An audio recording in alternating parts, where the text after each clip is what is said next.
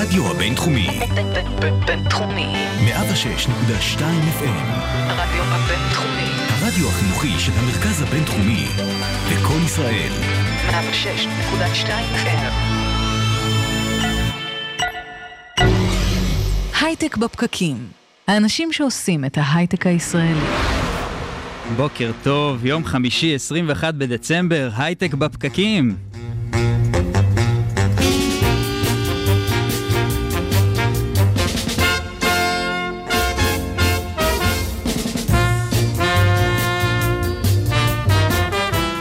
שלום לכם חברים וחברות, שלשום הדלקנו את נר חנוכה האחרון ואכלנו את ארבעת הסופגניות האחרונות לחג.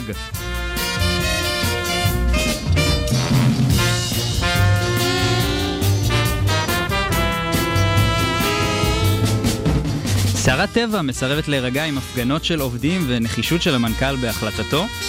הנאום האחרון של ראש הממשלה ופרישתו של דוד ביטן מתפקיד יו"ר הקואליציה מעוררים גם הם סערה לא קטנה. ולעומת זאת, מזג האוויר חמים יחסית ונטול סערות. עוד מעט סוף שבוע.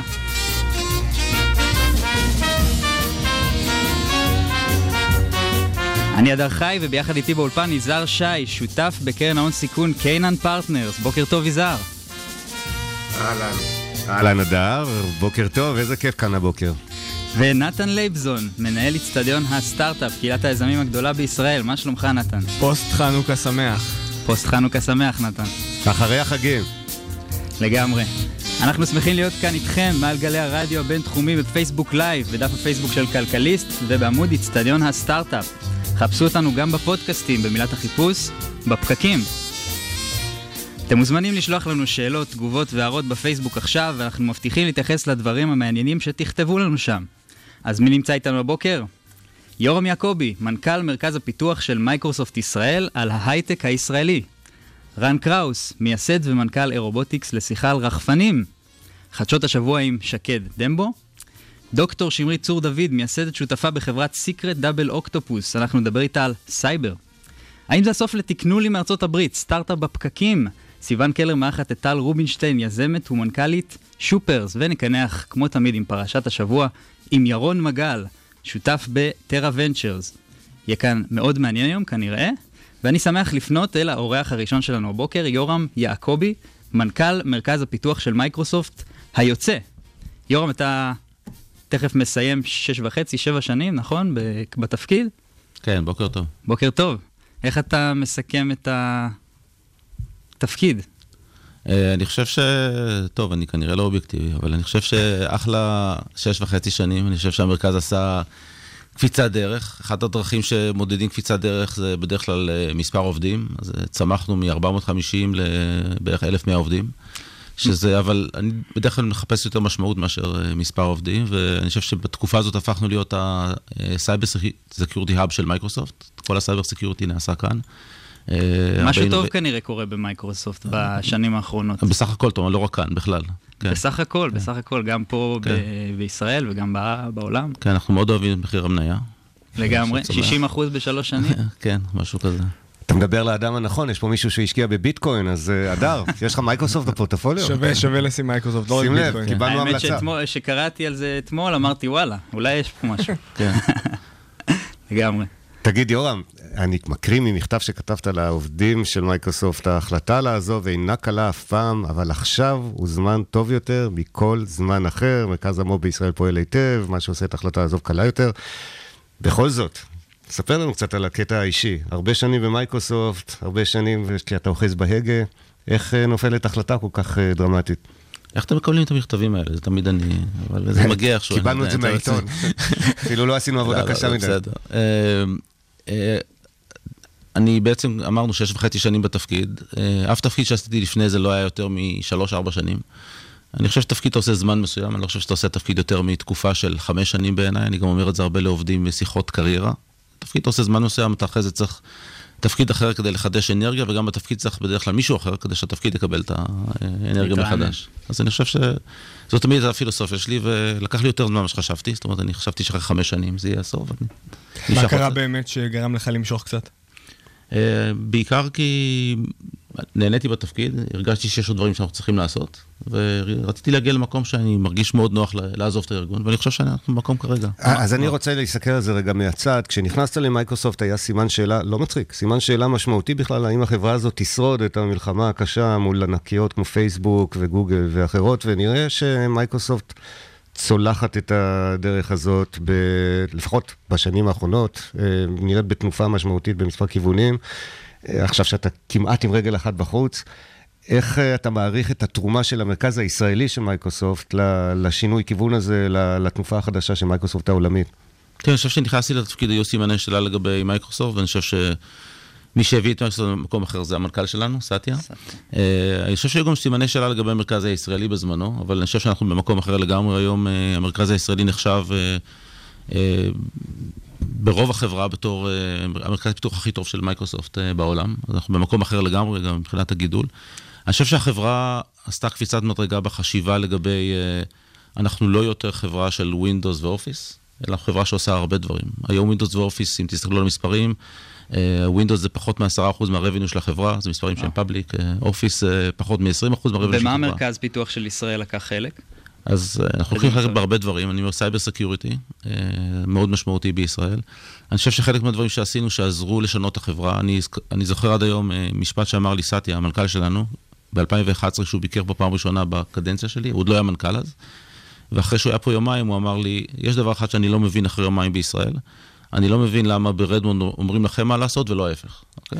וזה משפט שלקחתי איתי מאז, והרבה דברים בחברה, אני אתן דוגמה אחת, אה, כל העולם של אה, לפתח אפליקציות וכל דבר שאנחנו עושים על פלטפורמות אחרות, מתחרות כביכול ל Windows, אה, התחיל אצלנו כאן. אנחנו בנינו לפני כמה שנים את קורטנה, שזה העוזרת האישית של מייקרוסופט, בנינו לאנדרואיד. מה שהיה בחברה זה ייהרג ובל... לא עושים דברים כאלה. כן, השינוי אז- ממש בגישה, זאת אומרת, כן. גישה ללינוקס, נכון, גישה.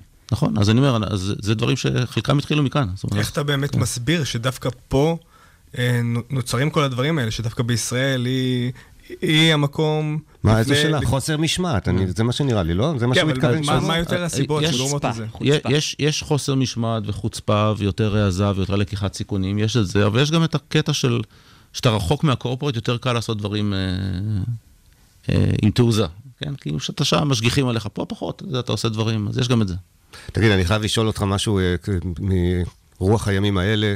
אלפי אה, מפוטרים של אה, טבע והמדינה כולה רוכשת, ואחד מהנושאים שעלה בשיח הציבורי בימים האחרונים זה האם יש מקום לחברות גדולות במשק הישראלי, והאם אותם עובדים שמוכנים לעבוד 5, 10, 15 שנים באותו מקום, אכן עושים את הדבר הנכון, כי בסוף אה, כשחברה גדולה נכנסת לקשיים, והיא בינלאומית במיוחד, אה, היא לא סופרת אף אחד ומפטרת מאות או אלפי אנשים.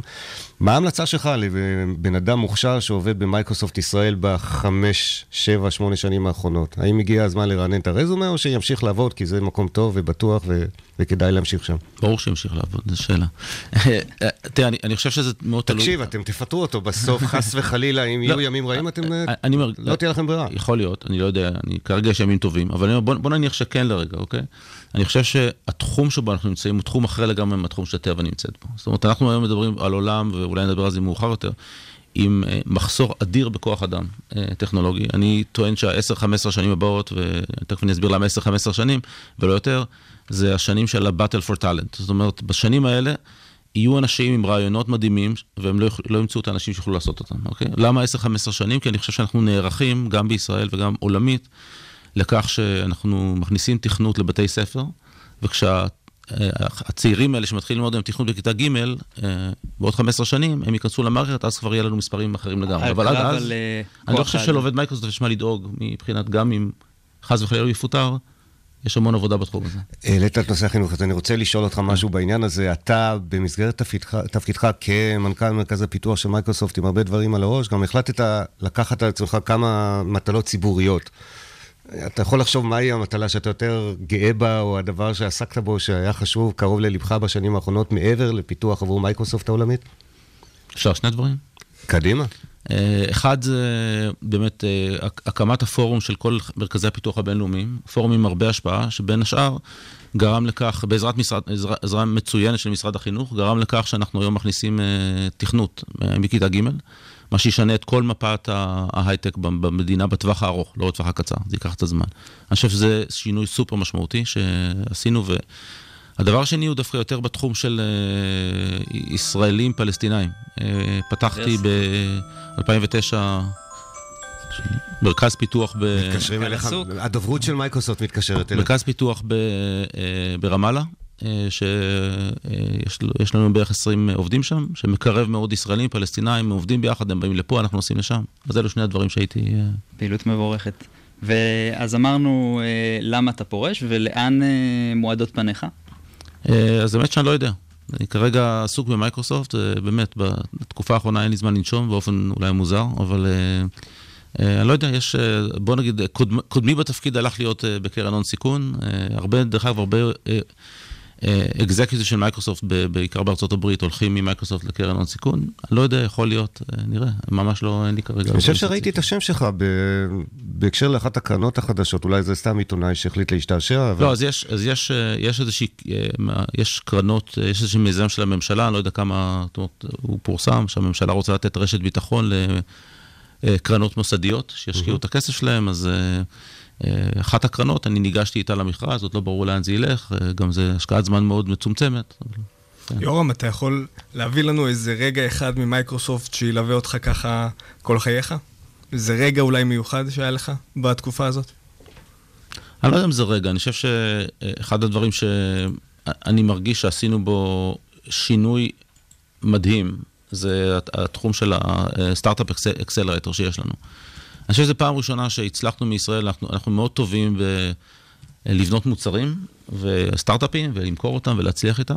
יש הרבה אה, אירועים של מייקרוסופט סביב הסטארט-אפים, הייתי בהאקתונים נכון. שלכם. בדיוק. עכשיו, האקסלרטור זה לא מוצר, זה משהו שונה. האקסלרטור זה יוזמה שהתחילה מכאן, אה, שבעצם אני וצחי וייספלד, שבעצם התחלנו אותה, ושכנענו אז את אה, סאטיה, ש- שהוא גם עדיין לא היה מנכ"ל לעשות אותה.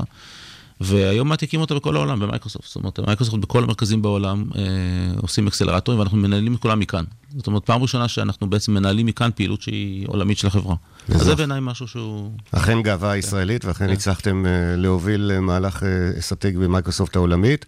אני חייב לשאול אותך על סטארט-אפ אחר, כנראה שלא פחות קרוב אה, ללבך מאשר אחרים, קוראים לו הפועל חיפה, ויש לכם שנה מדהימה, אז קודם כל אה, שאפו על השנה הזו. כן, אנחנו, אנחנו בהלם, כולם בהלם. פרשנות שלך לגבי סיכוייה של הפועל חיפה בשנים הקרובות. אז זהו, אז אה, יזהר הכין אותי לשאלה הזאת, אז, אז החלטתי לעשות מה שעושים בהייטק, עשיתי crowd sourcing של התשובה. אה, אתה רציני? הלכתי- רגע, כן, סקופ, תרשמו לכם סקופ. הלכתי לקבוצת הוואטסאפ של אה, של אוהדי הפועל, שאני מנהל אותה. שיש שם חמישה, כן, כן, חמישה וחצי אנשים יש אנשים. שם? לא, לא, לא, אמרנו יש- את זה יש די הרבה. ב title שלך, יורם, היינו הרבה. צריכים לכתוב גם אה, מנכ"ל ומנהל מנהל קבוצת. האוהדים של הפועל חיפה. זה title רציני. מכובד. כן, אז שאלתי אותם מה להגיד, אמרתי, שאלו אותי את השאלה הזאת מה להגיד, אז אני אני מקריא את התשובה, היא קצרה. פלייאוף עליון בשאיפה, אירופה הישג ענק, אליפות סימן שיש אלוהים. זו התשובה של ה- של הפורום. גדול, אליפות סימן שיש, אנחנו מפרגנים לחלוטין, אנחנו אוהבים סטארט-אפיסטים, הפועל חיפה, אנחנו אוהבים ומפרגנים. נשאל בפרשת השבוע, כן, אם, אנחנו- אה, אנחנו- זה אחד מהמדדים. אנחנו נתפלל בשבילכם בפרשת השבוע. יורם יעקבי, תודה רבה לך, תודה היה לכם.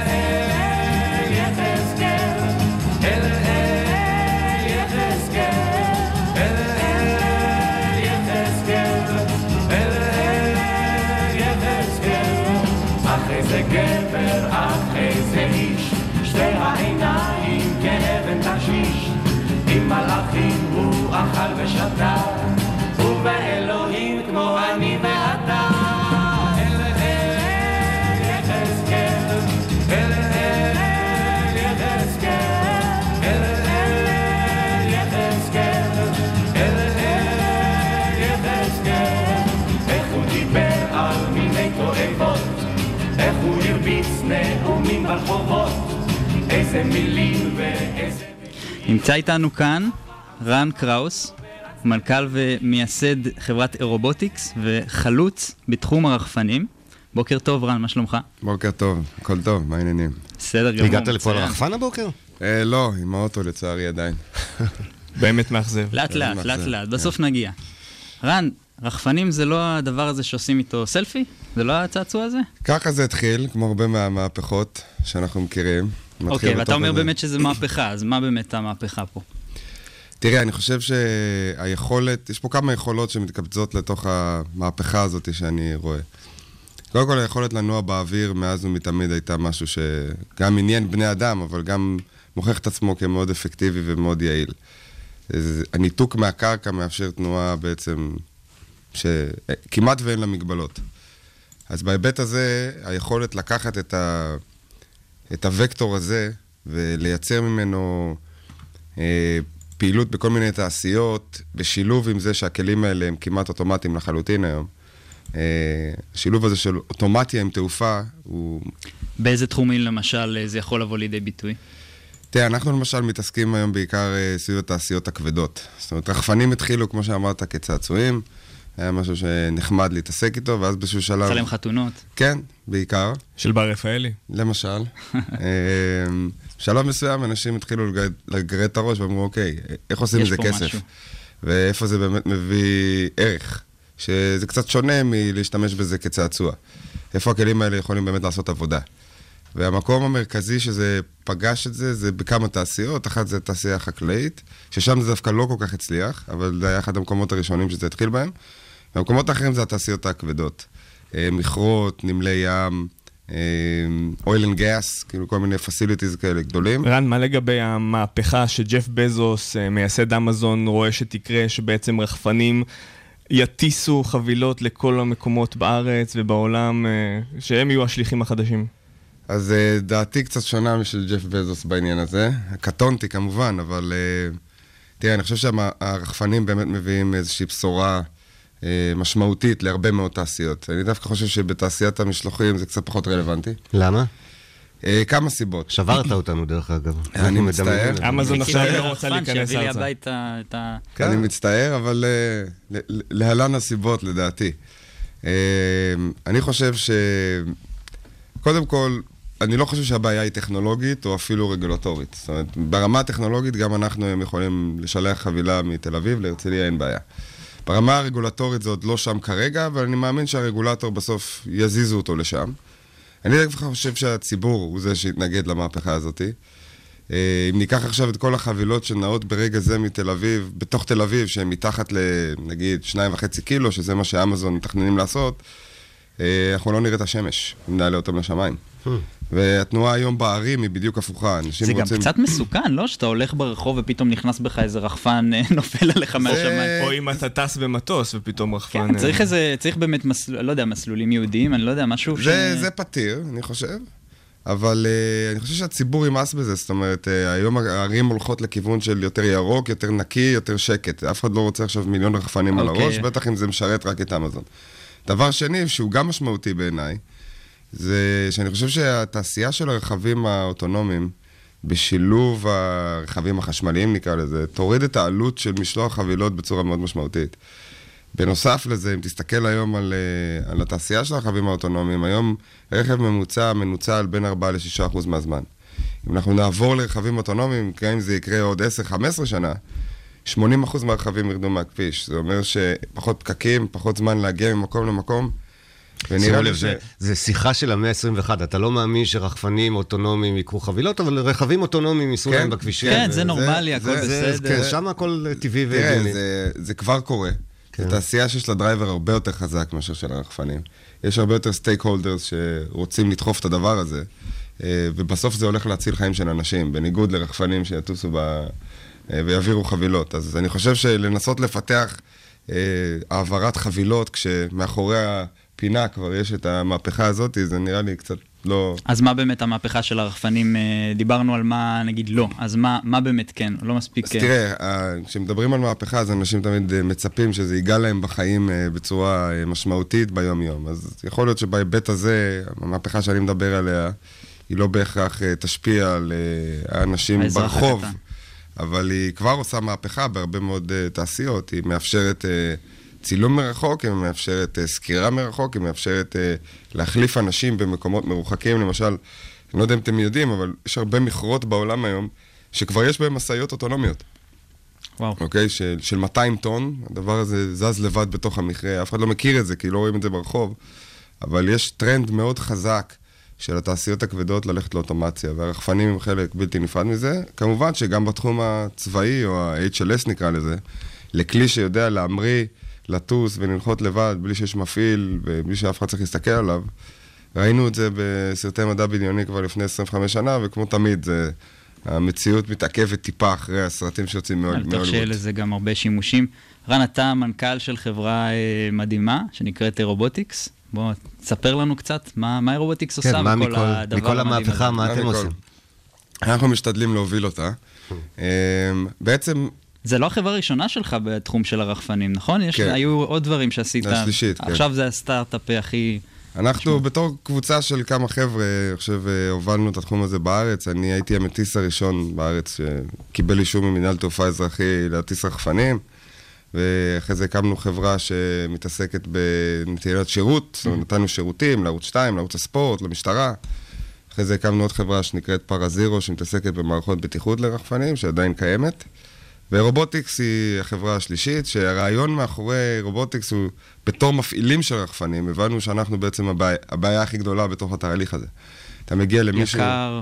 אתה מגיע למישהו, למפעל לתת שירות, אז זה להיכנס ולצאת, ואתה יקר, אתה, אתה הרכיב הכי יקר במוצר הזה, כי אתה מטיס ויש לך רישיון, ואתה צריך לישון, ואתה צריך לאכול, ואתה צריך לחזור, אז כמו כל דבר, לעשות כסף. בוא קצת, ננסה כן. להוציא את הרכיב הכי יקר מהתהליך, וזה משם התחיל. מעבר לזה, שגם ברמה התפעולית יש לזה יתרונות, כי כמו שאנחנו יודעים, מחשבים יודעים לעשות עבודות רפטיטיביות הרבה יותר טוב מאיתנו.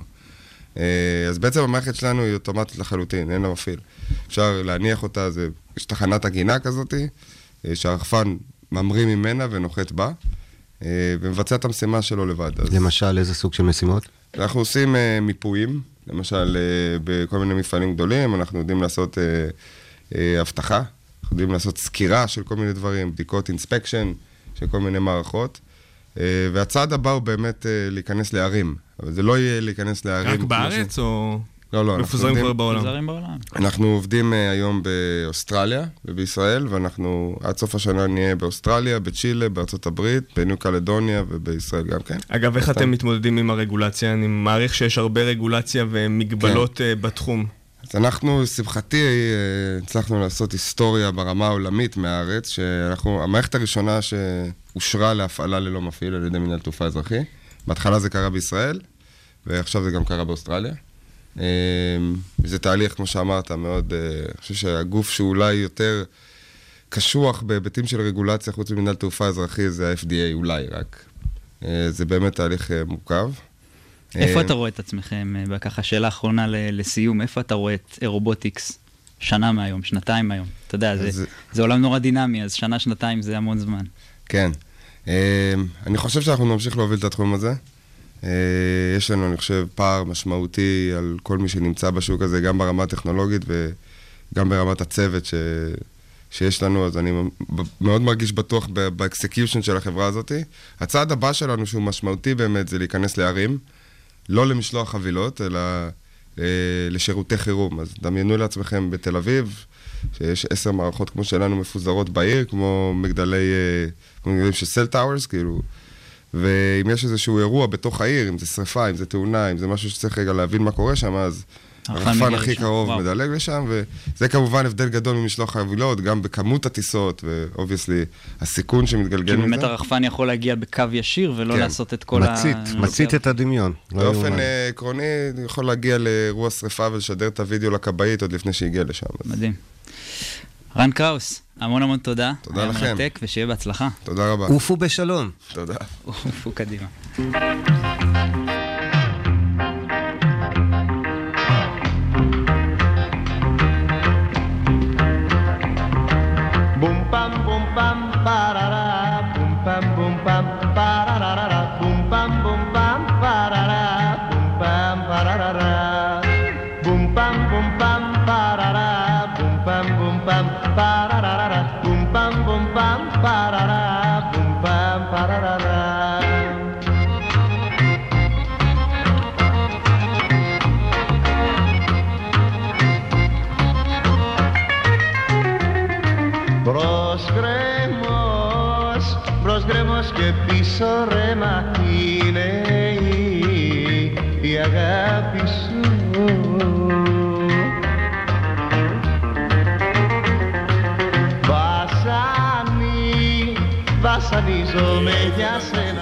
מי מאזין לנו? בוקר טוב, כיף לפתוח איתכם את הבוקר מסיגל מסיקה. בוקר למקצוענים, אומרת לנו מונה יהב. בוקר טוב מפארק המדע ברחובות. בוקר טוב, חברים. בוקר טוב לכם. Γιατί σ' αγαπώ κι ας υποφέρω κι ας καρδιοχτυπώ κι ας υποφέρω κι ας καρδιοχτυπώ Μα και να φύγω μακριά σου δεν μπορώ Πουμ, παμ, ואנחנו ממשיכים לחדשות השבוע עם שקד דמבו, שנמצא איתנו כאן. חדשות השבוע. אוקיי, עכשיו אני יכול לדבר. אה, שקד, מה קורה? מצוין, מה שלומך? אין לי מיקרופון. כן, אוקיי. הנה, אני. מצוין, מה שלומך? שמת לב שעשו לך אה, עוד פתיחה? כן, כן? זהו, שמו לי ג'ינגל. אתה יש תתרגש. יש אני ג'ינגל. זהו. אני מאוד מתרגש, קיבלת, קביעות, אתה... אני, כן, אתה אני. נשאר, אני נשאר. עד. עכשיו הייתי מעורער. מה הכנת לנו? אז מה הכנתי? פייסבוק נגד סטטוסים מצייצים. לפ... טוב, זה סיפור קצת ארוך, שהוא מתגלגל בכמה שלבים שונים, אנחנו ננסה לקצר אותו ולתת אותו חד. כרונולוגי. כן, בדיוק. סיפור עם לפני פלפל. כשלוש שנים בערך, בינואר 2015, אה, פייסבוק הורידה את סטטוסים מצייצים. למי שלא מכיר, שנראה לי שיש מעטים כאלה בארץ, סטטוסים מצייצים היה דף מאוד מאוד מאוד ויראלי. אה, כ-700 אלף עוקבים, אה, ממש, באמת, ממש תופעה, כמו הצינור כזה היום. אה, ויום בהיר אחד, פייסבוק אה, מחליטה שהיא מורידה את הדף הזה, בגלל שהם אה, עשו, השתמשו בתוכן בפרסומי. הם מכרו סטטוסים. הם בעצם קידמו תוכן... תמורת תשלום. תמורת תשלום, בדיוק. מבלי שהקהל ידע לטענת פייסבוק. אז זהו, וזה מחלוקת אחרת של האם הקהל ידע או לא ידע, כי לפי התקנון של סטטוסים מצייצים בגדול זה היה רשום, אבל uh, אם תשאלו את השיח הציבורי אתם תגלו שאף אחד בעצם לא ידע. Um, בסדר גמור, ביום חמישי האחרון uh, התקיים משפט שבו תבעו, uh, כאילו, הזוג ש... אבילן ואשתו. בדיוק, אבי לן ו... ובת זוגתו, אה, עדי בן טוב סילשי, הם תבעו את, סטטוס... את פייסבוק בגין לשון הרע ופגיעה בזכויות הפרט, והם ניצחו בתביעה. והעמוד אה, חזר לאוויר. בדיוק, העמוד אגב, חזר זה לא לאוויר, רק אבל זה, לא היה כזה לא פשוט שהעמוד חזר לאוויר, כי... כן, רק להוסיף שפייסבוק פגעה בפרנסתם, כלומר הם התפרנסו מהדף הזה ו... בדיוק. אוקיי. בדיוק, הם, עוד פעם, הם קיבלו תשלום, וזה היה כל הסיפור של טענת פייסבוק, זה לא היה לפי התקנון שלהם. ובית משפט קבע שמה? בית המשפט קבע שבפסק הדין נכתב שאומנם הם עברו על הכללים, אבל הכללים של פייסבוק לא היו כאילו חד משמעיים, ולא היה מאוד פשוט להבין אותם, וההפרה הייתה לא יסודית. זה היה ולכן, נוקשה מאוד. בדיוק, ולכן הם היו צריכים לקבל אה, התראה כלשהי לפני שהם הורידו אותם. אז אה, הם ניצחו באמת במשפט, ופסק הדין היה שהם מחויבים, פייסבוק מחויבים להעלות חזרה את העמוד הזה עם כל העוקבים שלו והכל, עד ליום ראשון, ובנוסף פיצויים של 250 אלף אה, שקלים. וזה קרה? ה-250 אלף שקלים קרו. אה, אבל ביום חזר. ראשון, אה. אבל בדיוק, ביום ראשון עדיין העמוד לא חזר. ואז הגיש העורך דין של אה, בני הזוג אה, בקשה שבה הוא מבקש שהדבר אה, ייחשב כביזיון בית המשפט, כי הם לא העלו עדיין את ה... הם בעצם התעלמו מפסק הדין. פייסבוק אה, ניסו, הם ניגשו לבית המשפט המחוזי בתל אביב, והם ניסו לבקש אה, עיכוב ביצוע, אה, כי בעצם הם טענו שההליך המשפטי היה לא בדיוק הוגן, והם לא קיבלו, הם קיבלו דחייה מבית המשפט המחוזי, הם עלו לעליון, וכל זה בעצם מתעכב והם לא מעלים. עכשיו, לאחר ש... שעורך דין של הזוג בעצם ביקש שזה ייקרא כביזיון בית המשפט, אה, הוא גם, אה, הוא גם האשים את מנכ"לית פייסבוק ישראל באופן אישי, הוא אמר שהוא רוצה שהיא תיענש, תיאסר או תיכנס. וואו. וכן, זה לא היה לא איום, נעים. איום מאוד גדול, וביום שני, אה, לפני הצהריים, העמוד חזר. העמוד חזר, ו happy. ending. אז הדבר הזה באמת מעורר אה, דיון לכאן ולכאן, כמו שדיברנו ולכאן. אתמול. ולכאן ולכאן ולכאן. אתמול דיברנו בטלפון על זה, אה, ומה שאני חושב על הדבר הזה, קודם כל אני, אני חושב שהם צודקים. זה ש... מי? אה, הם סטטוסים זה? מצייצים, אלה שטבעו כמובן. אה, כי זה שסוגרים לך עמוד שעבדת עליו, ובכל זאת, זה שנכון, זה יושב על הפלטפורמה של פייסבוק, אבל אתה השקעת בזה כל כך הרבה מאמץ וזמן ועבודה, שזה לא, לא הגיוני ככה שפתאום, אה, מין, זה סוג של דיקטטורה, ופתאום אתה מוריד את זה ב, ביום אחד, ופייסבוק היא צריכה קצת אה, לקחת אחריות לדעתי בתור מונופול כזה גדול, שבעצם הכל קורה בתוכו, כולם נמצאים בתוכו, אז אתה לא יכול ככה לעשות מה שבראש שלך, אה, ולתת התראה לפני, להגיד, זה עובר על החוקים, זה נראה לי הגיוני מאוד. כן, עכשיו, זה הם רק... טוענים שהם נתנו להם התראות, ואתה יודע, זה פרשייה מורכבת. מצד אחד, אה, פייסבוק עם העקרונות שלה, וכולנו, לכולנו מאוד נוח לכעוס על פייסבוק, אם ישתמשו בכוח הבלתי מוגבל שלהם וכולי. מצד שני, שקד אמר שבתקנון, איפה של סטטוסים היה רשום, שבאמת הם יכולים להשתמש בתוכן אה, ממומן, אבל בדיוק, אני חושב שהציבור לא. באמת ידע את זה. בדיוק, הציבור- אבל הם, אה, הם הודיעו על זה בפומבי, בתקנון של הדף, של העמוד שלהם, לפי הכתבה לפחות, אמ, היה רשום שהם, אה, שהם מקדמים תוכן תמורת תשלום. אז זה לא משהו שהם בגדול הם הסתירו מהציבור, הם גם לא הכחישו את זה במשפט. הכל היה מאוד גלוי. עכשיו, אבל הדף חזר, אבל כמו שאנחנו מכירים את פייסבוק, הם יכולים לעשות מה שבא להם. אז על פני הנייר הדף אולי חזר, יש פה ניצחון לסטטוסים מצייצים. זהו. אבל כל האינטראקציה. כן, כל האינטראקציה, כל האנשים שמקבלים התראות מה קורה בדף, כל התיוגים, כל התנועה שזורמת לדף, פייסבוק עדיין שולטים בזה. אם הם רוצים, הם יכולים לחנוק את סטטוסים מצייצים בצורה פה- אחרת לגמרי. כן, יהיה מעניין לראות. קונספירציה. יהיה מעניין לראות לאן זה יגיע. ואני אולי תמים, אני חושב שפייסבוק לא יעשו שום דבר מיוחד, ייתנו לאלגוריתמים לשפוט. זה, אנחנו חייבים לזכור שזו תקופה אחרת. פעם סטטוסים מצייצים, היה דף מאוד מיוחד, עם הרבה מאוד, היו לנו, אם אני לא טועה, 700 או 800 אלף... אה, 700 אלף עוקבים. 700 אלף עוקבים, והרבה מאוד דברים בסדר היום נקבעו על פי מה שעלה לסטטוסים. אני לא בטוח שזה משהו שיחזור עליו. בימים יזהר. פעם הגעת לסטטוסים מצייצים, לא? זכית בתהילת עולם. היה לי הכבוד, כן. יש לנו סיפור אישי. אני- הנה סיפור אישי. פעם, אה, לקראת יום העצמאות, הייתה, דרך אגב, זה די מתכתב במקרה עם משהו שקרה השבוע עם, ה, עם חיילי צה"ל שקיבלו סטירה מ, אה, מבחורה שם אה, בשטחים. היה סיפור אה, די דומה של אה, אה, מפגינים בשטחים שהתקרבו לחיילים, ב, אם אני לא טועה, בנחל, וח- וחייל נחלאי רדף אחריהם וזכה לביקורת קשה מדובר צה"ל, וזה מאוד הרגיז אותי. זה היה קרוב לליבי. אני כתבתי מכתב, והמילים שפתחו את המכתב היו ליאור בנייה יקר, יש לי בן שקוראים לו ליאור, הוא שרת אז בנחל, ואני כתבתי לו, אל תקשיב להוראות המטומטמות שמאפשרות לבחור פלסטיני עוין עם אגרופן בידו להתקרב למרחק נגיעה לחייל צה"ל.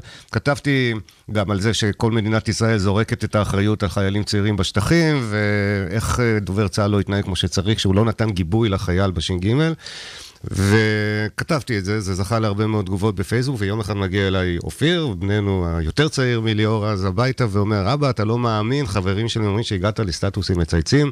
אה, לשלושה ימים הייתה לי תהילת עולם במשפחה, אפילו אני חושב, ש... הישג. חושב שמישהו הכין חד לי קפה. משמעית הישג. הכינו לי קפה, אחד הילדים. האמת. שגם לי יש סיפור אישי, גם אני הגעתי לסטטוסים מצייצים. שני גיבורים של שני סטטוסים. גיבורים. אלו. תשמעו, תקופה- אני מרגיש נחוץ. סטטיסטיקה לא אה, סבירה. כדאי לך. סטטיסטיקה לא יום סבירה. אחד תגיע אולי גם. תקופה שגם סטטוסים מצייצים, אה, גם היו איזה יומיים שהם חזרו, עם כזה היה לוגו חזרנו, אז היה איזה קטע שאני וחברים שלי לפני שנתיים וחצי, יצאנו לרחוב, חיבקנו אנשים, פרי האגס כזה, שלטים חיבוק חינם, בקטע לא מטריד, אל תדאגו.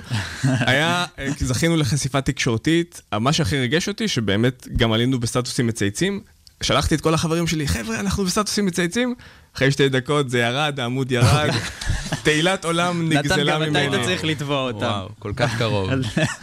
נגעת, נגעת. בתהילה.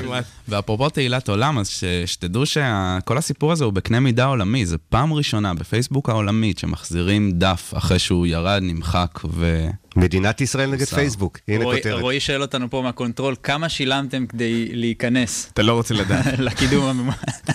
טוב, חברים, שקד דמבו, תודה רבה, היה מאוד מעניין כרגיל. תודה לך.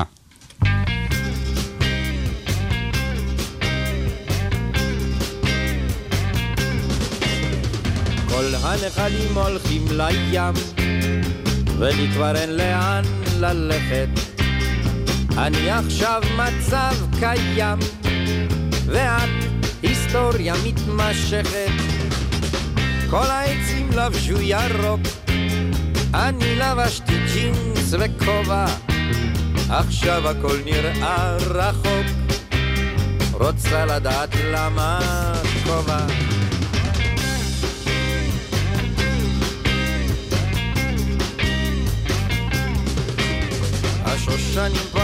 האמת שכבר אה, אנחנו מקבלים אה, תגובה על מה שדיברנו עכשיו על סטטוסים מצייצים. אלעד בן אה, שמעון אומר לנו שאם תחפשו סטטוסים מצייצים בפייסבוק, עדיין לא תמצאו אותם. אז אולי קורה משהו מאחורי הקלעים?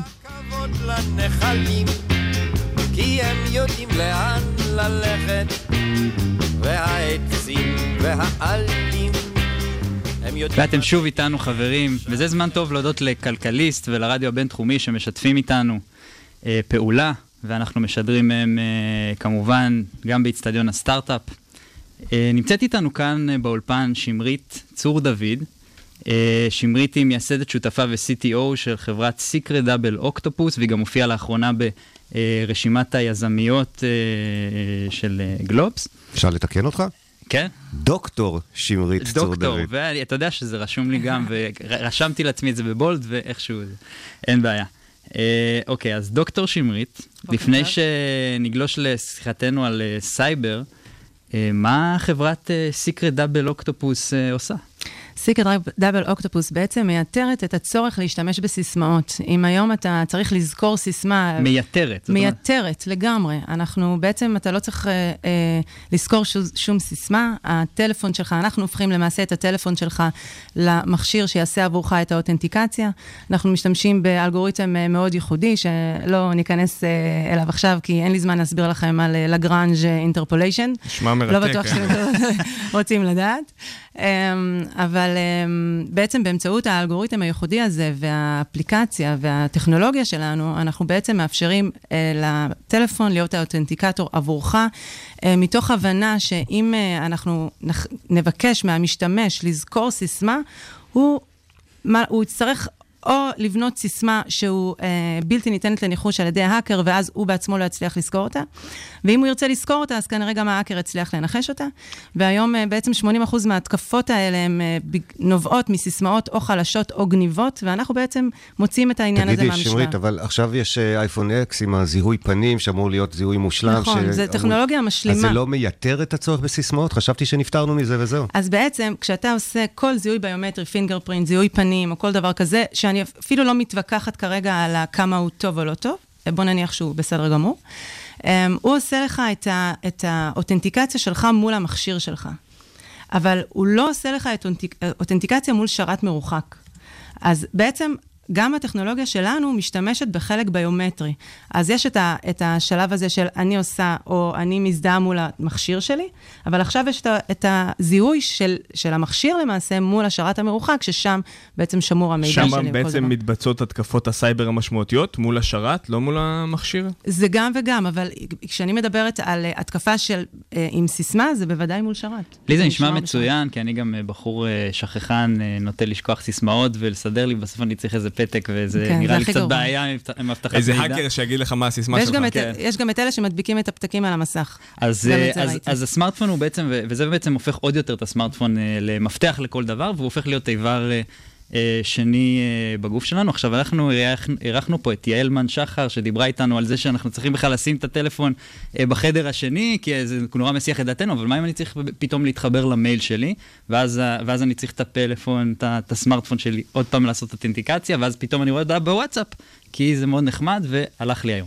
הלך לך היום, אז אה, תראה, זה אני לא אה, אצליח לחנך אותך להיות אה, מפוקס אה, בעבודה, אבל אה, גם אבל היום... שמרית, זה לא אני, זה לא הפסיכולוגיה שלי, כן, זה כן. הדופמין שיוצא כן. לי כשאני מקבל עדכון. אה, גם היום, כשאתה מקבל, אה, היום, כאילו, אנ- אנחנו לא מחדשים שאנחנו רואים שסיסמאות זאת לא הדרך, כי כולם כבר מבינים את זה. אז, אז בעצם היום ה-second factor הפופולרי זה לקבל אס.אם.אס. אז בכל מקרה, הטלפון שלך צריך להיות לידך, ואתה תצטרך להקליד אותו אה, איפשהו, את ה-SMS הזה. גם פה יש זה די כבר ברור שזאת לא הדרך הנכונה להשתמש ב-SMSים, לא, גם כי זה לא נוח למשתמש וגם כי זה כבר ידוע להיות לא בטוח. אז שמרית, בואי נעבור רגע לעולם של הסייבר. אה, זה נראה לצופה מהצד שאולי לא כל כך מבין אה, כמוני, אה, שחברות הסייבר עושות אותו דבר. התוקפים אה, משפרים את ההתקפות, המגינים משפרים את ההגנות, וכל אחד נלחם אחד בשני, וכולם קצת חתול ועכבר כזה. האם אה, בעתיד זה גם הולך להיראות ככה? האם אה, מישהו בסוף, אה, תהיה איזו הגנה שכבר בלתי ניתן, איזה בלוקצ'יין כזה שבלתי ניתן גם אה, לפריצה למטבע- וזהו? למטבעות שלך פרצו לאחרונה, זה שום דבר לא מובטח. אה, לשלי לא פרצו, לא אני שלך בדקתי ספציפית, בבוקר. ל- לכל הבלוקצ'יין.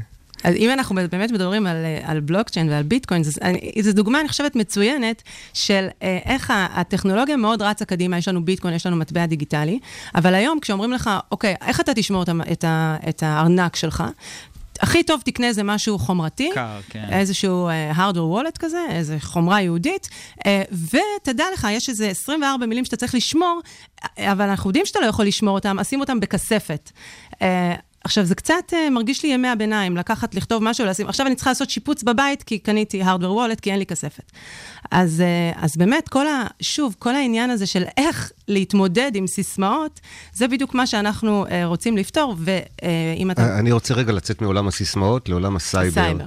התחושה היא שאנחנו במרדף. נכון. ומי שמשיג אותנו תמיד זה הרעים. נכון. השאלה אם אתם, מומחי הסייבר, החוקרים וכולי, אולי תגיעו עם איזושהי אסטרטגיה שמקדימה את כל הרעים. אולי יש איזושהי דרך סייברית אולטימטיבית להגן על כולנו ולהשכיח את כל הפחדים הנוראים האלה? אוקיי, אז נראה קודם לי כל... שזה לא אינטרס של התעשייה הזאת כל כך. אה, תלוי זה של בעיה, מי, אתה יוצר לעצמך נכון. זה. האינטרס של הטובים, תעזרו לנו, תגנו עלינו וזהו. נכון, אז באמת, אה, אה, באמת יש מרדף כזה, מרגיש אינסופי, והיום ה- הדרך...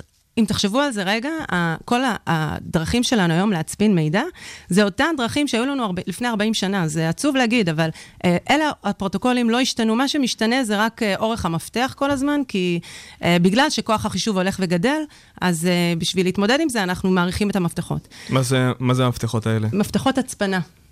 למעשה, כל, בעצם כל הבעיות האלגוריתמיות שההצפנות יושבות עליהן, הן כאלה שבעצם אין מספיק כוח חישוב היום למתקיף כדי לפתור אותם. זה לא משהו שהוא לא פתיר. אם אני אגיד לך, אם אני אתן לך מספר, סתם לדוגמה, 35, ואני אגיד לך, אוקיי, תמצא לי את הפירוק שלו לראשונים, סביר להניח שמאוד מהר תגיד לי 5 ו-7.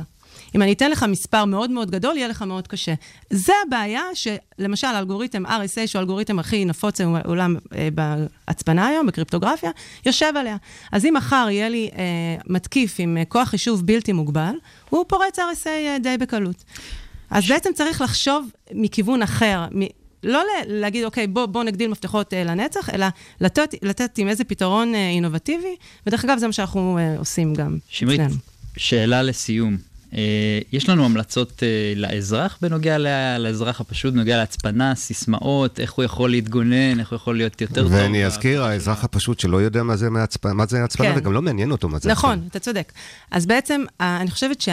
ה- יש המלצה שאני יכולה להגיד, והיא כמעט בלתי ניתנת אה, אה, ליישם אותה, שזה אומר, אני רוצה שהאזרח, תהיה לו סיסמה שהוא יצליח לזכור אותה, ושאף אחד אחר לא יצליח לנחש אותה. שזה כמעט בלתי, בלתי אפשרי. אז, אז מה כן אפשר לעשות? זה אה, לא להשתמש באותה סיסמה לחשבונות שונים, שזה הדבר הכי גרוע שיכול להיות. אני פרצתי לך חשבון אחד, אז יש לי את כולם. או בזה של היום הולדת שלך. כמובן, מאוד, אה, לא בזה של נדוש. היום הולדת שלך, או בשם של החתול שלך, או כל מיני כאלה, שזה, אלה הסיסמאות שידועות לכל המתקיפים. Um, להשתמש בכמה שיותר uh, סיבוכיות, לא לכתוב בשום מקום, ולא, כמובן לא ללחוץ על שום לינק שאתה מקבל, uh, גם אם זה נראה לך מחבר, פשוט לא לעשות את הדברים האלה. דוקטור שמרית צור דוד, סיקרט דאבל אוקטופוס, שיהיה המון בהצלחה. תודה רבה. תודה רבה. תודה, המשך יום טוב. תודה. כיף לארח אותך.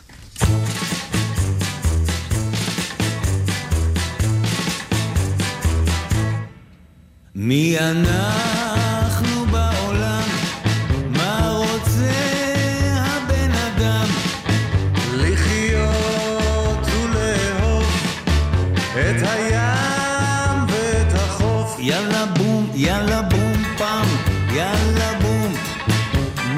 מאשדוד עד תל אביב. יאללה בום פעם, יאללה בום. סטארט-אפ בפקקים. אז אנחנו חוזרים לפינת סטארט-אפ בפקקים עם סיון קלר, שמארחת את אה, טל רובינשטיין. סיון, בוקר טוב. בוקר טוב, תודה. אז היום אנחנו מארחים, אה, כמו שציינת, את טל רובינשטיין, מנכ"לית שופרס. היא עורכת דין במקצועה ועשתה הסבה לעולם הסטארט-אפים לפני כמעט שנה. 11 חודשים בעצם. נכון. אז בואי תספרי לנו בעצם מה זה שופרס. אז היי, תודה שהזמנתם אותי. קודם כל זה שופרס. שופרס. נכון שזה עם U, אבל אתם יודעים, אנחנו פשוט הולכים להרגיל טרמינולוגיה חדשה לגמרי, אז זה שופרס. והקהילה שלנו זה קהילה של שופרים, ובעצם כל המונח של שופ זה משהו חדש שאנחנו מביאים. אז מה זה? כל הרעיון של שופר זה בעצם פלטפורמה שמחברת אה, בין קניינים בכל העולם, אבל מה שנקרא קניינים שהם חכמים. אנחנו באנו ואמרנו שהלוקאליות בקניות היא מטורפת. זאת אומרת, רק העובדה שאני גרה בתל אביב הופכת אותי לקניין חכם. יש לי את האפליקציות הנכונות, את הכרטיס אשראי הנכון, את הקופונים הנכונים. אז במקום לחכות שתיסעי לארצות הברית או לפריז או שאיזה חבר ייסע, יש שם מישהו כל הזמן, והוא מקומי, והוא מה שנקרא talented shopper. פשוט תתחברי אליו ותגידי לו, תקשיב, אני רוצה... כן. גם שם צריך טאלנטים.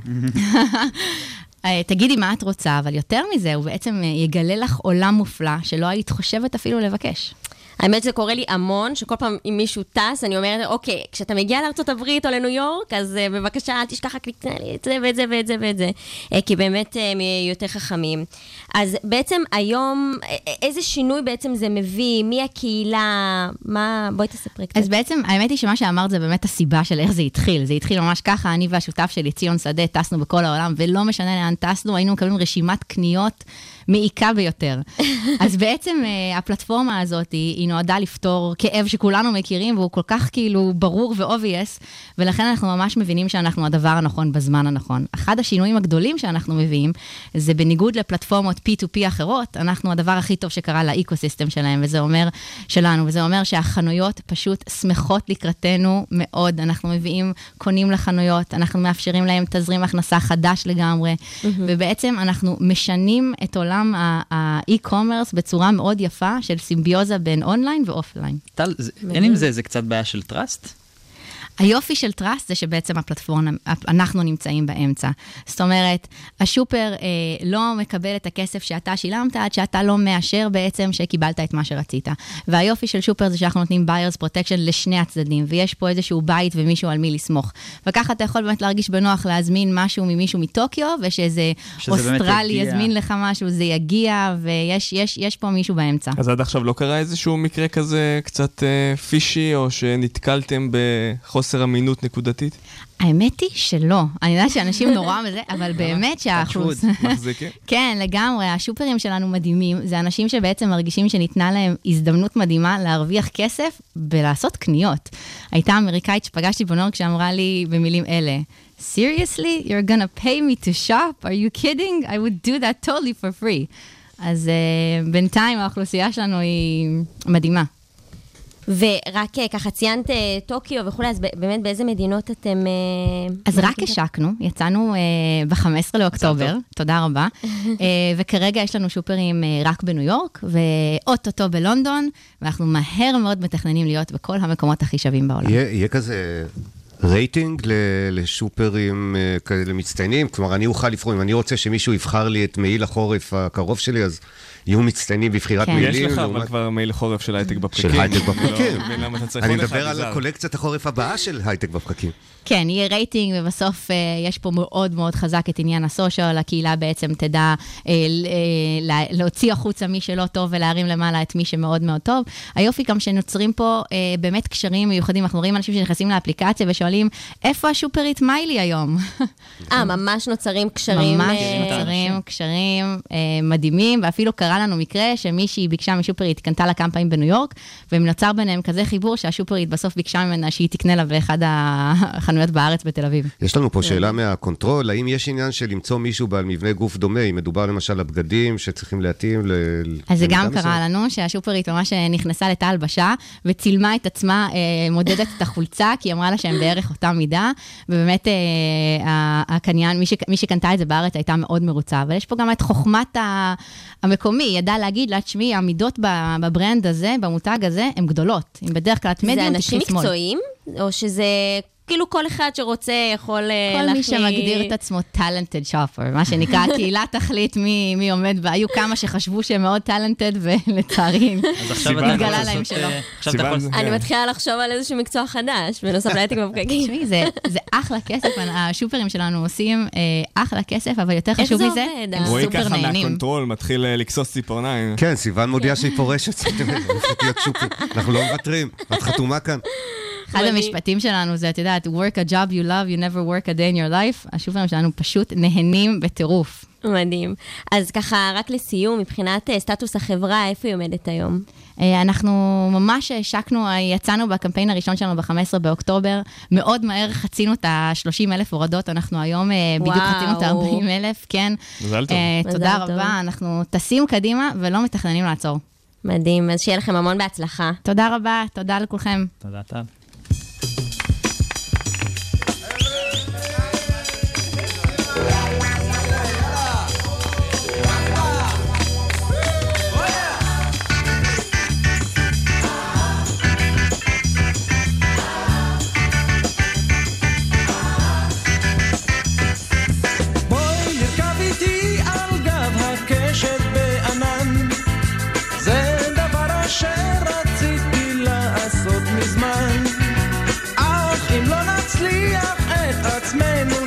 לשים לפחות נרכב על גב סוסים.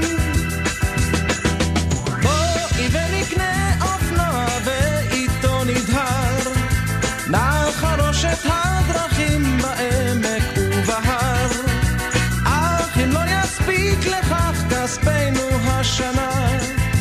אז נקנה 200 גרם גבינה.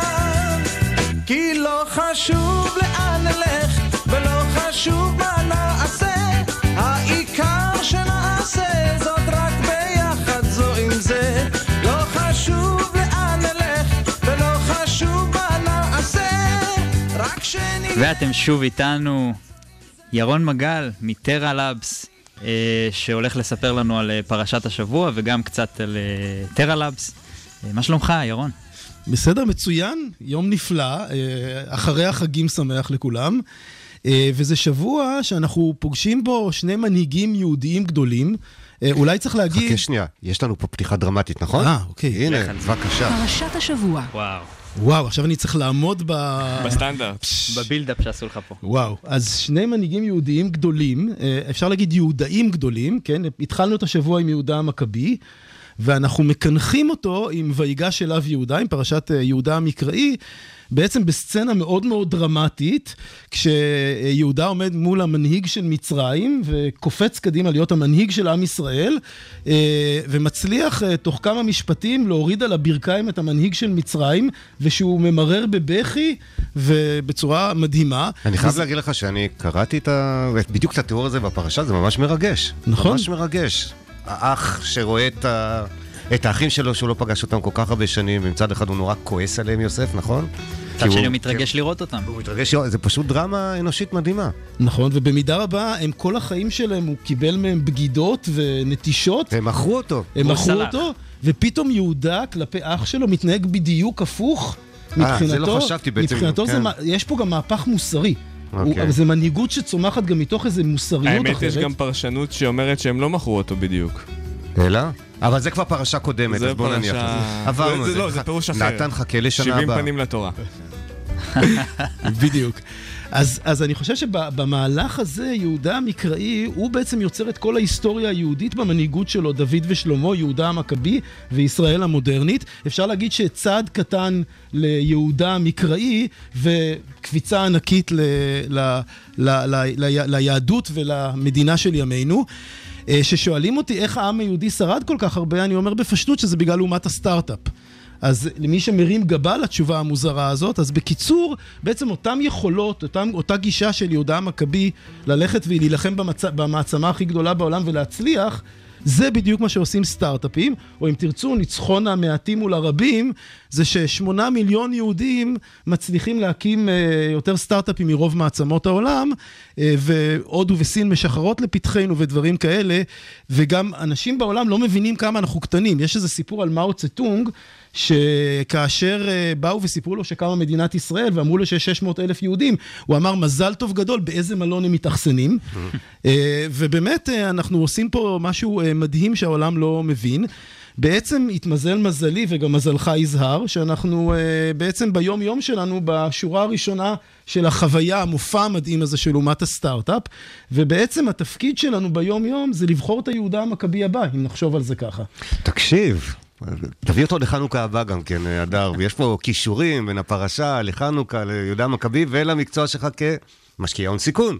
אה, נכון, בדיוק. אתה זוכר שאתה אה, גם עובד בקרן הוא הון נכנס סיכון? כל כך לפרשה, שזה כבר... אה, אה, נכון. ספר לנו על טרה? באמת. אז בואו נעשה איזה, פ- לא לא נעבור במעבר חד. fade out כזה לאט. fade. out איטי, יש איזה מנגינה לזה או שזה בלי? אוקיי, יש לנו, אה, יש לנו. אה, בכל מקרה, מה ש- מה שהטרה היא גם כן, זה שני חבר'ה שהתחילו רחוק מאוד מארץ ישראל, או מצוין, ומצאו את עצמם מסיבות אידיאולוגיות. במזרח הרחוק.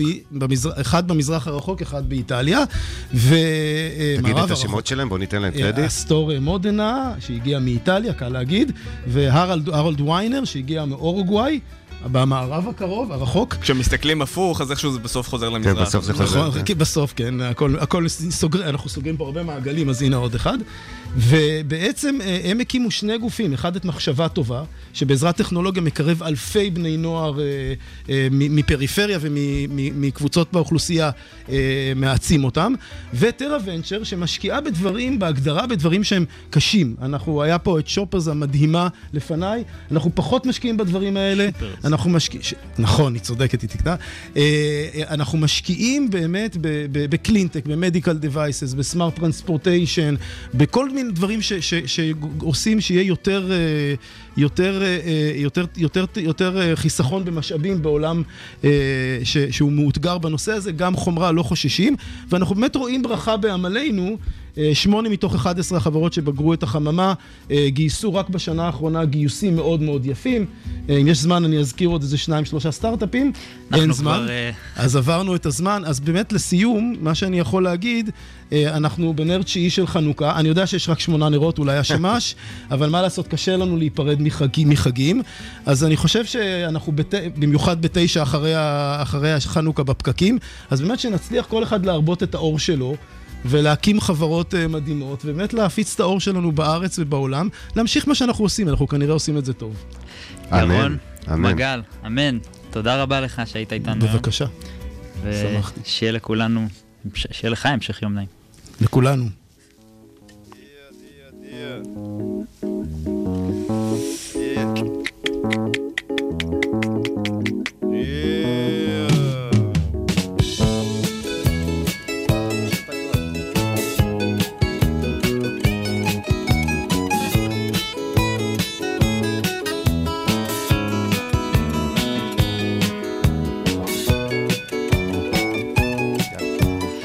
אז אנחנו מתקרבים לסיום. יזהר, נתן, מה אתם אומרים? ירון, מילים לסיום. אני, אני נהניתי ואני חייב להקריא לכם את הפסוק בכל זאת, כי ירון חסך, ולא יכול יוסף להתאפק לכל הניצבים עליו ויקרא, הוציאו את כל האנשים פה מעליי ולא עמד איש איתו, וייתן קולו בבכי. ויאמר יוסף אל אחיו, אני יוסף, העוד אבי חי, ולא יכלו אחיו, ויאמר יוסף, גשו אליי, ויגשו, אני אחיכם אשר מכרתם אותי למצרים, פרשת ויגש. מרגש, מרגש, האמת באמת אה, פרשה מרגשת. חברים, תודה רבה לכם שהייתם איתנו, תודה ליזהר שי, תודה לנתן לייבזון שהיית איתי כאן באולפן, תודה לאורחים שלנו הבוקר, יורם יעקבי, רן קראוס, שלומית צור דוד, טל רובינשטיין וירון מגל. מפיקים את השידור סיון קלר ורועי קליק, מפיק הדיגיטל הוא שקד דמבו. עורך מוזיקלי באולפן, אורי טולדנו. הכוכב. הביא לשידור דניאל ליסנר, תודה לכלכליסט ולרדיו הבינתחומי על שיתוף הפעולה. Uh, תודה לכם שהאזנתם לנו בפקקים, בדרך לעבודה, עשו בזהירות אם טרם הגעתם למשרד, יום טוב ומהנה למי שכבר הגיע. ביום חמישי הבא נחזור אליכם שוב עם אורחים חדשים ואנשים שעושים כמוכם את ההייטק הישראלי למה שהוא. אנחנו הייטק בפקקים, להתראות בשידור הבא.